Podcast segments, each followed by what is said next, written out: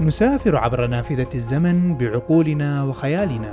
تارة للماضي فنشهد لحظات بناء الكون وتفاصيله وتارة للمستقبل فنرصد مستعمرات لبشر على ظهر كواكب أخرى.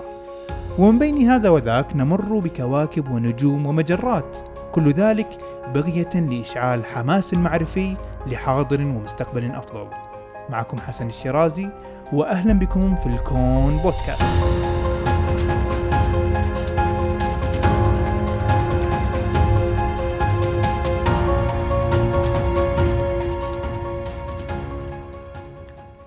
السلام عليكم. على مر التاريخ والإنسان يحاول الإجابة على أسئلة أصيلة حول الوجود والحياة والكون الذي نعيش فيه.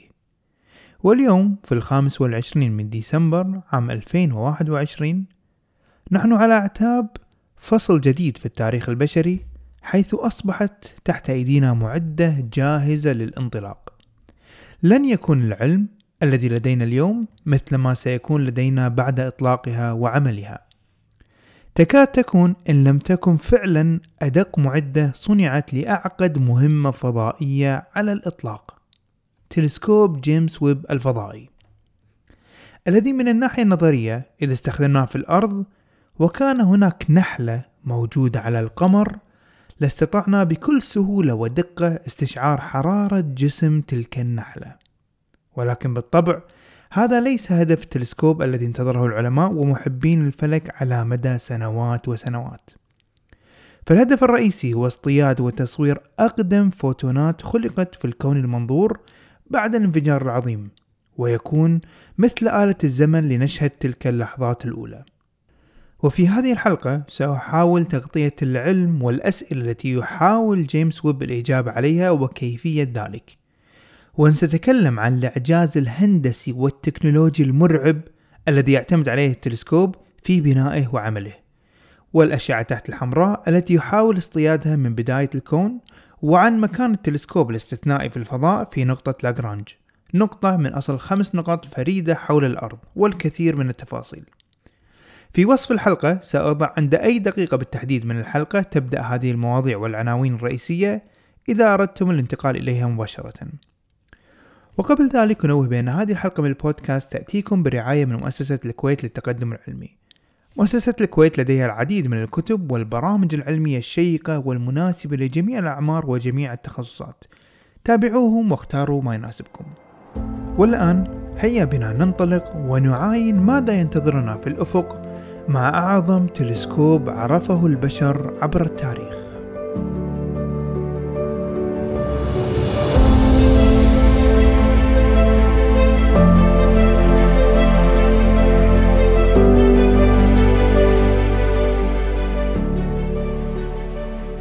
تلسكوب جيمس ويب هو نتيجة أعمال ومجهود عشرات السنين بدون مبالغة. فكثير من المهندسين والعلماء أمضوا مسيرتهم المهنية فقط على هذا المشروع ليكتمل وينطلق اليوم وذلك ليس فقط في ناسا ولكن من حول العالم. فعدد ساعات العمل المقدرة لصناعة هذا التلسكوب تصل إلى 40 مليون ساعة عمل من 14 دولة وفي الولايات المتحدة الأمريكية لوحدها شاركت 29 ولاية ما بين آلاف المهندسين والعلماء والتقنيين والإداريين. والمفارقة والمفاجأة فإن أول مؤتمر تحدث عن مثل نوعية هذا التلسكوب كان في العام 1989 يعني حتى قبل لا ينطلق تلسكوب هابل بسنة تقريبا. وذلك لأن العلماء والفلكيين يعلمون بأن للوصول لإجابات ورصد عملي حول بداية الكون لا يكفي أن يكون تلسكوبك يعمل في نطاق الضوء المرئي مثل ما يعمل به تلسكوب هابل. بل نحتاج ما هو أبعد من ذلك وذلك هو الإشعاع القادم لنا من الأشعة تحت الحمراء وهي نطاق عمل التلسكوب جيمس ويب. البداية الفعلية كانت في العام 1996 وسمي التلسكوب بجيمس ويب تكريما لذكرى الرجل الأول في برنامج أبولو للقمر في ستينيات القرن الماضي. والذي قدم لمجال الفضاء الكثير. فحينما كان الرئيس الأمريكي جون كينيدي يسابق الزمن مع السوفييت للوصول إلى القمر كانت رؤية جيمس ويب بأن مجال الفضاء أكبر من ذلك وأن على ناسا أن تلعب دور الوسيط بين العلم والرحلات الفضائية فلذلك يجب ربط مخرجات الجامعات والمؤسسات العلمية بأهداف ناسا. وبالتالي كان له الأثر الكبير بسياسات ناسا وتطوير مسيرة العلم والأهداف والإنجازات التي تحققت في ناسا في السنوات اللاحقة. فلتلك الجهود تم تسمية أعظم تلسكوب نعرفه اليوم باسم هذا الرجل. ومنذ العام 1996 بدأ المشروع بميزانية متوقعة حينها مليار دولار لإنشاء التلسكوب وإطلاقه في الفضاء. واليوم مع كل هذه التأخيرات طوال السنين الخمس وعشرين منذ ذلك التاريخ وصلت تكلفة المشروع الكلية إلى عشرة مليارات دولار. التلسكوب سيحاول البحث في ثلاث فروع رئيسية من العلم ومن تحتها تندرج وتتفرع كل الدراسات والملاحظات. فالمهمة الأولى هي رصد أول أو أقدم الفوتونات الممكن اصطيادها من بعد الانفجار العظيم في بداية خلق الكون المنظور. بعد ذلك المهمة تكون لدراسة تكون المجرات والنجوم القديمة جدا التي أيضا تشكلت وتصادمت واندثرت ليصل إليها أو ليصل إلينا ضوءها الآن. وسنتمكن من دراسة التطور الدقيق للنجوم داخل المجرات البعيدة وكذلك سيشهد التلسكوب ولادة ال protoplanetary system المجاميع الشمسية في أثناء تطورها يعني حتى قبل تكونها بدقة لا مثيل لها. المهمة الثالثة للتلسكوب هي البحث عن إشارات للحياة بأنواعها البسيطة أو الذكية وذلك في الكواكب التي تحوم حول النجوم البعيدة. فبذلك سيذهب بنا إلى أماكن لم يذهب إليها أحد من قبل ونشاهد ما لم نكن نستطع مشاهدته سابقا. وتفصيل هذه الأهداف العلمية سأتطرق له لاحقا في الحلقة بعد أن نشرح آلية عمل التلسكوب الفريدة. بالنسبة للإطلاق فالمفترض أن يكون اليوم 25 من ديسمبر ما لم يحدث أي تأخير يعطل الموضوع. قبل أيام قرأت تعليق أضحكني في تويتر بأن من كثر تأخيرات وتأجيل الإطلاق أصبح اسمه جيمس وين تلسكوب. فالهواة بانتظاره على أحر من الجمر ولكن الظروف كانت أقوى فتأجل عدة مرات. ولكن على أي حال سينطلق الصاروخ أريون 5 من منصة وكالة الفضاء الأوروبية في فرنش غويانا حاملا بداخله التلسكوب بطريقة فريدة سنتعرف عليها عند الحديث عن مكونات التلسكوب. منصة الإطلاق هذه مثالية جدا لأنها قريبة جدا من خط الاستواء فبالتالي تكون سرعة الكرة الأرضية بأعلى صورها مما يخفف من الوقود المستهلك لإقلاع الصاروخ. فكلما ارتفعنا أو انخفضنا مبتعدين عن خط الاستواء تقل سرعة دوران الأرض وصولا إلى أقل سرعة عند الأقطاب. فبالتالي فرنش غويانا هي المكان المثالي للإطلاق. التلسكوب سيكون مطوي بكل مكوناته عند الوصول إلى الفضاء ثم يبدأ تسلسل عمليات فصل التلسكوب عن الصاروخ تدريجيا إلى أن نصل لعملية نشر وتشغيل الألواح الشمسية وذلك خلال أيام من الوصول للفضاء. بعد ذلك نبتدأ رحلة مدتها ستة شهور حتى يصل التلسكوب إلى موقع الرصد. فبعد تشغيل الألواح يتم تجربة وتشغيل أنتنا الاتصالات وبعد ذلك بمدة سيتم نشر الدرع الشمسي للتلسكوب ومن ثم تشغيل العدسة الثانوية للتلسكوب وبعد ذلك نشر العدسة الرئيسية وتركيبها بصورتها النهائية كخلية نحل بقطر ستة أمتار ونصف. وأخيرا السفر بسلام إن شاء الله إلى نقطة لاغرانج حيث مستقر التلسكوب. هذه الرحلة ستكون عصيبة عند كل مرحلة من مراحل نشر المعدات وتشغيلها على العلماء لأن التحديات كثيرة جدا وسيتم الاحتفال عند كل نقطة ومرحلة من مراحل التي ذكرتها. وبعد قليل سنتعرف على نقاط لاجرانج وأهم مكونات التلسكوب وطريقة عمله الفريدة.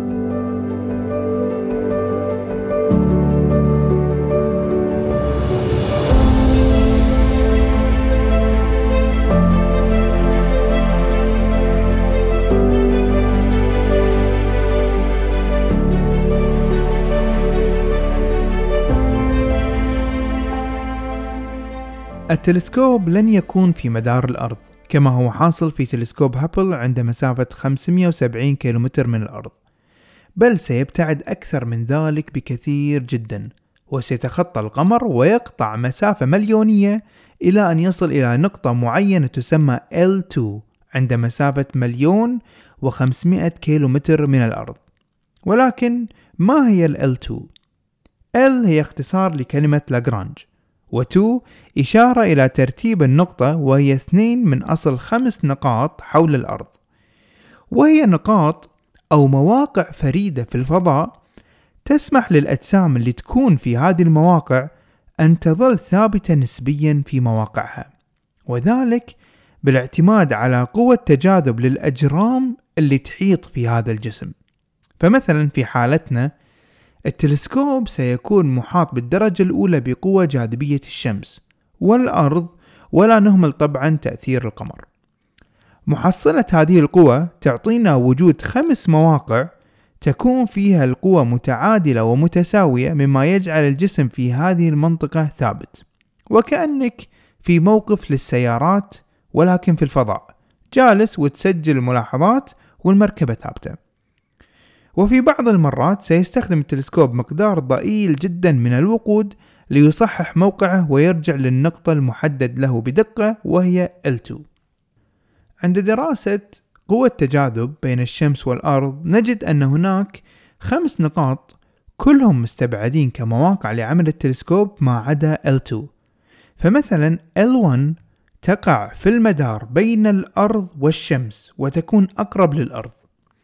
هذه النقطة تكون ممتازة جدا إذا أردنا أخذ قراءات ورصد للشمس لأنها الأقرب ولا يوجد ما يحول بينها وبين التلسكوب. ولكن هذا أبعد ما نريد تحقيقه مع التلسكوب جيمس ويب. فكل ما في التلسكوب مصمم ليحجب ويهرب ويبتعد عن أشعة الشمس وحرارتها وهي ما يتفق تماما مع النقطة L2 إذا نشوفها ونتخيل النظام الشمسي من الأعلى. نشوف أن الأرض تدور في مدار إهليجي شبه دائري حول الشمس في مركز هذا المدار تقريبا. خلنا نتخيل الآن الأرض في يمين هذا المدار إحنا نشوفه من فوق والشمس في المنتصف. النقطة L2 راح تكون على يمين الأرض كذلك وبذلك سيكون التلسكوب أبعد ما يكون عن الشمس. وعندما يكون هناك ستكون العدسات أيضا متوجهة ناحية اليمين بمعنى أن أسطح العدسات ستكون موجهة للفضاء وظهر التلسكوب يقابل الأرض والشمس بشكل مستمر. أما ظهر التلسكوب إن صح التعبير فسيكون محمي من خلال درع أو حجاب واقي عن الشمس Sun Shield. هذه الحماية تلعب دور محوري جدا جدا في عمل التلسكوب. وهي من المكونات الرئيسية له. بدونها لن يتمكن من أداء أي مهمة أو أي رصد. فالدور الذي يقوم به هذا الدرع هو حماية التلسكوب من كل الإشعاعات القادمة من الشمس بالتحديد. لأن كي يعمل التلسكوب على رصد الأشعة تحت الحمراء الخافتة جدا والقادمة من بداية الكون يجب أن تكون درجة حرارة السطح تعادل سالب 233 درجة سيليزية. وبدون هذا الحجاب الحاجز أو الواقي سترتفع درجة حرارة هذا السطح إلى سالب 83 يعني زيادة في درجة حرارة السطح بمقدار 148 درجة سيليزية. وإذا نبي نبسط العملية بمثال بدون أرقام عشان نفهم شلون راح تخرب هذه الحرارة القادمة من الشمس عملية الرصد. تخيل أنك في البر والمنطقة مظلمة بشكل كبير. ويوجد هناك شخص عنده مصباح يدوي لنقول على بعد كيلومتر ويشير إليك بهذا المصباح فتقوم أنت برصد هذه الإشارة. وهذه تعادل الأشعة تحت الحمراء في مثالنا. الآن إذا وضعنا كشاف ضوئي ضخم يعادل الشمس في هذا المثال يحول بينك وبين الشخص الذي بيده المصباح. لن تستطيع أن ترى أي إشارة من ذلك الشخص لأن إضاءة الكشاف الضخم ستغطي على المصباح اليدوي الصغير الذي بيده الشخص الذي على بعد كيلو متر وهذا بالضبط ما تحدثه الشمس إذا أصابت حرارتها التلسكوب. فستمنعنا من التقاط أي شيء قادم من بعيد في نطاق الأشعة تحت الحمراء. ولذلك دور الدرع الشمسي مهم جدا جدا. ولأن بهذه الأهمية فيحتاج لعملية تصميم وهندسة غاية في الدقة لمنع كل هذه الحرارة ويجب أن يكون خفيف ويقاوم على مدى السنين وكذلك ذو سطح عاكس.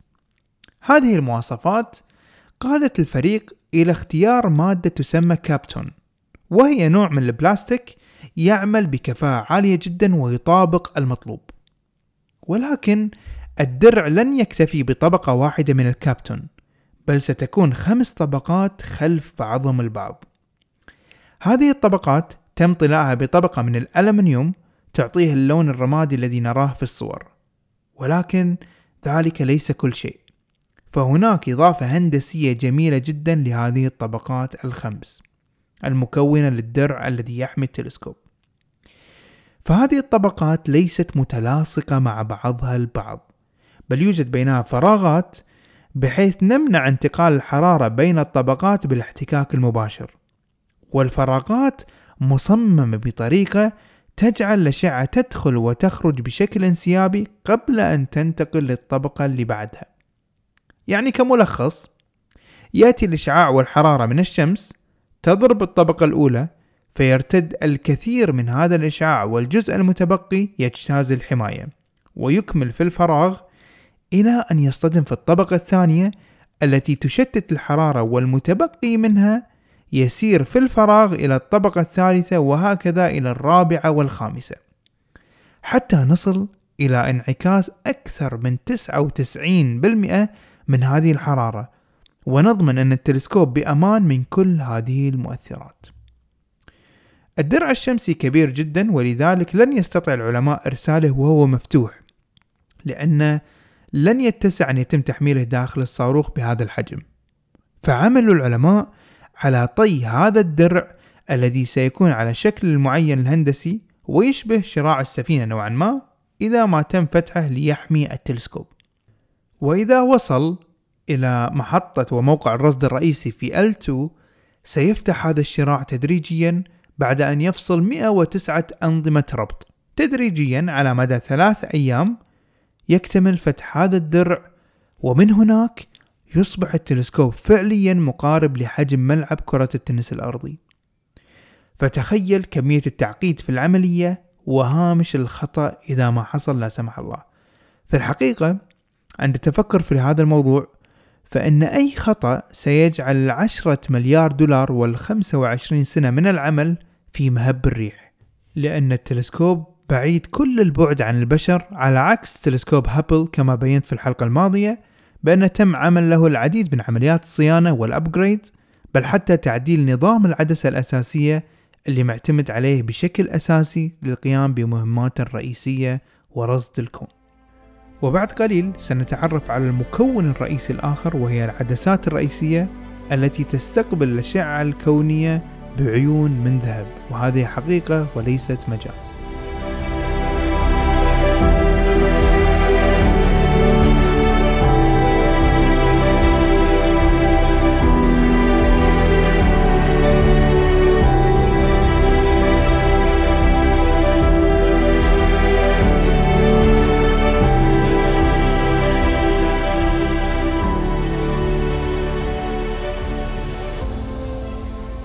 ما شرحته قبل قليل بالنسبة لمعدات التلسكوب كان هو الجانب الحار من التلسكوب حيث الدرع الشمسي يعمل على صد الإشعاع والحرارة التي تشوش على قراءات وعمل التلسكوب.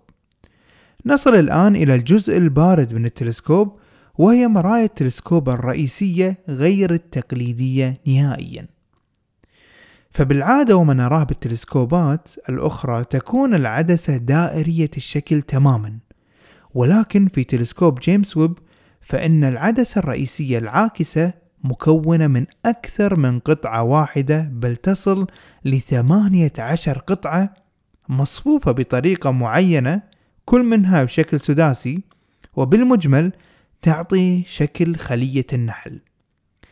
والمقارنة ذلك مع تلسكوبات أخرى فمثلا تلسكوب سبيتزر يملك قطر دائري يساوي 0.85 متر. يعني أقل من المتر ب 15 سنتي وتلسكوب هابل يعمل بقطر 2.4 متر. أما جيمس ويب فقطر المرايا الرئيسية يصل إلى 6 ستة أمتار ونصف ولم يسبق في تاريخ العلم أن تم إرسال عدسات بهذا الحجم للفضاء. طبعا العدسات بهذا الحجم لم تكن لتدخل الصاروخ قبل الإطلاق ولذلك تم طيها بطريقة عبقرية. حيث قسمت المرايا إلى ثلاث وحدات كل وحدة تحتوي على ست مرايات متصلين ببعضهم البعض.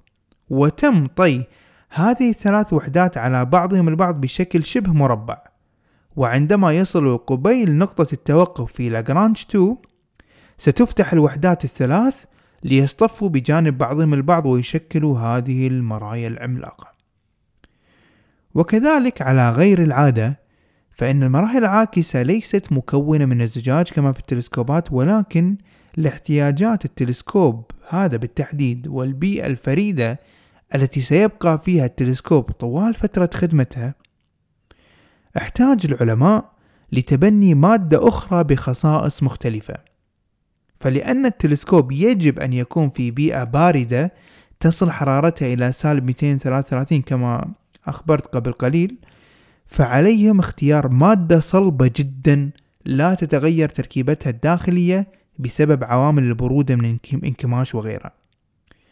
وبعد العديد من الدراسات استقر العلماء على اختيار مادة البريليوم كمادة أساسية لبناء مرايا التلسكوب الرئيسية. من خصائص البريليوم أنه أصلب من الحديد ستة مرات ولكن أخف من الحديد بكثير فتكون المحصلة تلسكوب خفيف نسبيا يساعد في عملية الانطلاق ويكون ناجع بشكل أكبر. صفة الصلابة مهمة جدا لأن العلماء حريصون أن هذه العدسات ما يتغير حجمها مثل ما قلت بفعل, بفعل البرودة فبالتالي يؤثر على كفاءة القراءات. طبعا البريليوم مو أقوى من الستيل إنما أصلب بمعنى قابلية تشكيله وتغير خواصه أقل من الحديد بكثير ولذلك تم اختياره. بعد ذلك نأتي لنرى كفاءة هذا البريليوم في عكس الأشعة الساقطة عليه فنجد أنه منخفض جدا بالكفاءة ولا يعتبر من الأفضل. وهنا يأتي دور الذهب. فقد اختار العلماء طلاء هذه المرايا بالذهب حتى يكون أفضل عاكس للأشعة تحت الحمراء بعد أن تصطدم هذه الأشعة بالمرايا العاكسة الرئيسية فتقوم بعكسها لترتد وتجتمع كلها في بؤرة بالمنتصف عند المرآة الثانوية الصغيرة نسبيا. وبعد أن تجتمع كل هذه الأشعة في البؤرة في المرآة الثانوية تقوم بإرسالها إلى مرآة ثالثة في المنتصف وهي الأخيرة يعني الأشعة تحت الحمراء تصطدم في الذهب الذهب يجمعها كلها في بؤرة واحدة في المرآة الثانوية والمرآة الثانوية تبعثها كلها كحزمة شعاع واحد إلى المرآة الثالثة. وأخيرا كل ذلك يدخل إلى science instrument أو مركز عمليات المعدات العلمية. لتبدأ بعد ذلك عملية التحليل من هناك. يعني هذا باختصار آلية عمل العدسات الثلاثية المركبة على التلسكوب. ولكن وأنا أبحث في الموضوع فكرت في نقطة أتت في بالي حقيقة. يعني ماذا لو حصل خطأ في عملية تجميع الأشعة واكتشفنا هذا الخطأ في تلك النقطة البعيدة التي سيتوقف فيها التلسكوب؟ وهذا الخطأ وارد مثل ما حصل في تلسكوب هابل بعد الإطلاق مما دعا إلى استنزاف الوقت والأموال لتصليحه. ولكن هنا لن يوجد مجال للتصليح فهل تعتبر نهاية التلسكوب؟ وعندما بحثت وجدت الإجابة العجيبة بأن ناسا هذه المرة لن تترك أي مجال للخطأ فيما يخص هذه النقطة بالتحديد. فيوجد تحت كل قطعة من العدسات الرئيسية الثمانية عشر المطلية بالذهب مجموعة من الأكتويترز أو المشغلات الميكانيكية. يمكن التحكم بها عن بعد ويمكن لهذه العدسات التحرك بأي زاوية بحيث يكون هناك مثل alignment أو اصطفاف معين العلماء يقدرون يضبطون هذا الاصطفاف بحيث إنه يحقق المطلوب من عملية جمع الأشعة وبالتالي تفادي الخطأ الذي وقع في تلسكوب هابل. عندما كانت العدسة الرئيسية في تلسكوب هابل ثابتة وغير متحركة أو قابلة للتحرك مثل تلسكوب جيمس ويب. هناك أيضا في هذا الجانب من التلسكوب نظام تبريد فريد تم اختراعه وتطويره خصيصا لهذه المهمة ليعمل على تبريد معالج البيانات ويسمى cryo cooler وقد كلف هذا النظام لوحده تقريبا 150 مليون دولار. طريقة عمله غاية في التعقيد لم أستوعبها صراحة بنسبة كبيرة وشرحها يحتاج إلى توضيح في الصور والفيديو أكثر من الصوت. فيمكنكم البحث عنه إذا كنتم مهتمين في الإنترنت اسمه كرايو كولر نصل الآن إلى واحدة من أهم فقرات الحلقة وهي الأهداف العلمية للتلسكوب. فكيف سيكشف لنا ماذا حدث بعد الانفجار العظيم؟ وكيف سنتعرف على وجود حياة في المجرات؟ وبالتالي هذا كله يعمق فهمنا للوجود وبنية هذا الكون.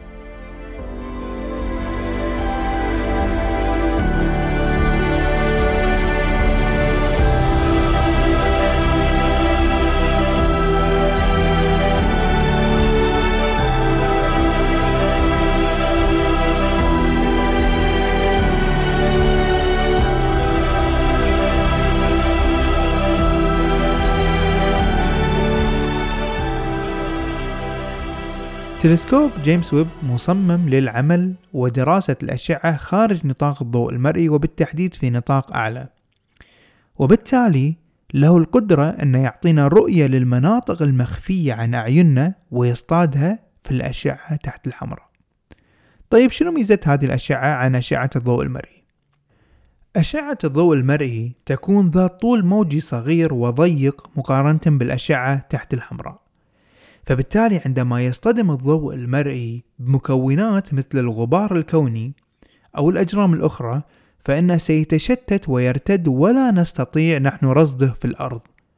بمعنى إذا كان هناك نجم أو مجرة كان قد ولد في بداية الكون واندثرت فإن ضوء هذا الجرم سيسافر عبر الفضاء وعبر الزمن إلى أن يصلنا. ولكن في طريق هذا الضوء إلينا سيصطدم في الكثير من الغبار الكوني والأجرام الأخرى وبالتالي لن يصلنا ولن نستطيع رصده. وهنا تأتي الخاصية المهمة للأشعة تحت الحمراء وهي قدرتها على النفاذ من خلال غيوم الغبار الكوني بدرجة أعلى بكثير جدا من الضوء المرئي. فبالنسبة لنا بعد مليارات السنين من سفر ضوء تلك النجوم نستطيع استقبالها ورصدها وفهم ماذا جرى لها وقراءة تاريخها وتفاصيلها مثل ما نفعل مع النجوم القريبة في الضوء المرئي. وهذا كله يصب في صالح فهم بداية الكون. فبعد الانفجار العظيم وقبل تشكل النجوم والمجرات كان الكون أو المادة لنقول مجمع على بعضها البعض بما يعرف بالحساء البدائي أو ال primordial soup وهو كل المادة الموجودة في الكون الهيدروجين والهيليوم والمادة المظلمة. بعد تمدد المادة وتوسع الكون بمئات الملايين من السنوات ظهرت وتكونت أول النجوم لينتهي عصر الظلمة الكونية ونرى النور أو الضوء. هذه الفترة تسمى إعادة التأين Reionization Era. لن ندخل بتفصيلها الآن فتحتاج حلقة لحالها بالتأكيد. سنتطرق لها إن شاء الله في مجموعة حلقات عن بداية الكون والانفجار العظيم بإذن الله لاحقا. ولكن هذه الفترة من الكون وما قبلها غير مفهومة بشكل كافي للعلماء. فصحيح أن هابل أعطى نماذج لبعضها من هذه المجرات في بداية الكون لدراستها ولكن ذلك غير كافي نهائيا لإثبات نظريات والوصول لاستنتاجات حاسمة بل نحتاج لدراسة آلاف من هذه المجرات لفهم تلك الفترة من الكون قبل 13 مليار سنة. وهذا سيقدم تغيير ثوري للعلم الذي لدينا ولنظرية الانفجار العظيم وكيفية توسع الكون وتضخمه لاحقا. بنفس الآلية سيصطاد تلسكوب جيمس ويب الفوتونات القادمة من المجرات اللاحقة خلال الملياري سنة من بعد الانفجار العظيم ونستطيع دراسة تكون الأنظمة النجمية فيها لأنها أيضا لم نستطع التعرف عليها بدقة بسبب الموانع وطبيعة الضوء وتشتته من غباء من خلال الغبار الكوني. هذا من ناحية الفوتونات الأولى والذي سيقدمه التلسكوب لعلم الكونيات. من ناحية أخرى كيف سيساعد جيمس ويب في البحث عن الحياة وما هي الآلية لذلك؟ في الحقيقة فإن التلسكوب ومن خلال قاعدة البيانات والتحليل للأشعة في مناطق مختلفة من الكون سيكون له القدرة على تصنيف وإعادة تصنيف الكواكب الخارجية exoplanet. وذلك من خلال الكشف بدقة أكبر عن مركبات هذه الكواكب. وبذلك هو قادر على استكشاف المؤشرات الحيوية كما تسمى بايوماركر اللازمة أو الناتجة من وجود حياة على تلك الكواكب. أو على الأقل صورة من صور الحياة التي نعرفها ونستطيع التعرف عليها وهي مهمة صعبة جدا حتى على التلسكوب بحجم وتعقيد جيمس ويب ولكنها من ضمن المخططات الدراسية والأهداف لهذا التلسكوب. الآن نصل إلى الأخبار غير السعيدة في التلسكوب. فالعمر الافتراضي للتلسكوب جيمس ويب وكل مهماته الاستكشافية والآمال المعقودة عليه مدتها عشر سنوات فقط. فالتلسكوب يحتاج بين فترة وأخرى أن يعمل تحركات في موقعه ليحافظ على موقعه في نقطة لاجرانج. فهو مزود بدفاعات يستخدمها إذا أراد القيام بمثل هذه التحركات وعددها 20 دفاع موزعين حول التلسكوب. والوقود المستخدم في عملية الاحتراق داخل هذه الدفاعات هو الهيدروزين. الهيدروزين مكون من ذرتين من النيتروجين وأربع ذرات من الهيدروجين ويعتبر وقود ذو كفاءة عالية جدا. سيستخدم في دفاعات التلسكوب بحيث يمر الهيدروزين خلال عامل محفز مما ينتج عنه احتراق كبير جدا وقوة دفع كبيرة تحرك كامل التلسكوب. وهو العامل المهم والمحدد لعمر التلسكوب.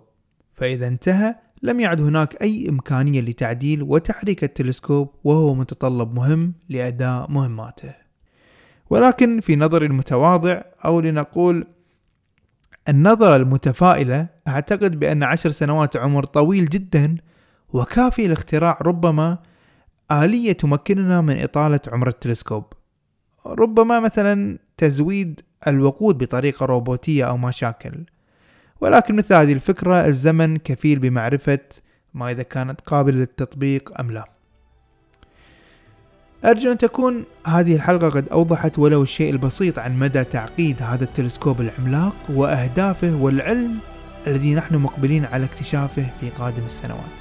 كما أرجو أن تكونوا قد استمتعتم بهذه المعلومات فإن كان كذلك لا تنسون تقييم البرنامج ونشره بين الأصدقاء ومحبين العلوم وإذا كان هناك من يود التواصل يمكنكم ذلك عن طريق حساب التويتر الخاص فيني @shirazius @sherazus أما الآن فأترككم في رعاية الرحمن وحفظه وألتقيكم في الحلقة القادمة. فحتى ذلك الحين كونوا بخير وإلى اللقاء.